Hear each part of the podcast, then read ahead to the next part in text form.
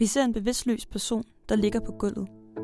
Der er vand på gulvet, og glasskårene fra det tabte glas har flinset åbne sår på hans bare krop. Jeg vågner langsomt op en morgen. Jeg har Zoom-undervisning om lidt. Det er allerhelst så lyst til at lægge mig til at sove igen. Studiet siger mig ikke noget mere. En messengerbesked kommer frem. Har du lyst til en rygesession i aften? Og jeg tænker yes. Så er aftens planer udfyldt med socialt møde og ikke en overfladisk Zoom-snak. Og sådan bliver rygesessionen med vennerne til en gang om ugen, til et par gange, og så hver dag. Jeg bilder mig selv ind, at det ikke er en afhængighed. Jeg slapper bedst af sådan. Jeg har ikke et problem.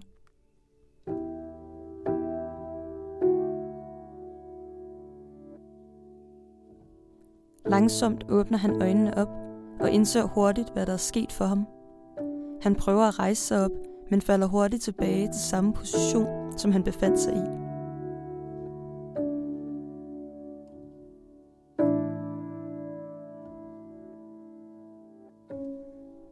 Mine venner holder pauser for hashen.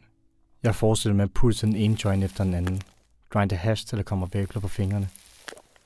Når hashens effekt afdamper i løbet af min aftenkoger, tager jeg min trofaste rørformede flaske med pibehoved og fylder mine lunger med damp for at nå samme stadie som tidligere på aftenen. Hver aften, når hampens kemiske formler har indtaget mit sind, hyperanalyserer jeg min karaktertræk som menneske og lover mig selv, at jeg vil ændre alt. Ændre min døgnrytme, blive mere aktiv og droppe de grønne sager. Frustreret og bange formår han at kravle hen ad gulvet. Han fanger telefonen frem fra køkkenets reol og kigger på nødopkaldfunktionen. Jeg har intet job. Drop ud af studiet, og det eneste, jeg lever af, er min opsparing. Dagen startede ud med en joint og en masse ligegyldigt YouTube.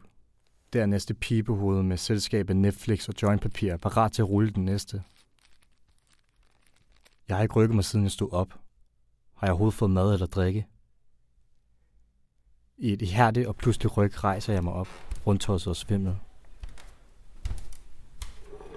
Jeg drager ud til køkkenet for at fylde et glas vand, men mine ben svækker, og jeg mister overblikket. Her ligger jeg, bevidstløs på gulvet, med vand og glaskår, der omfavner min krop.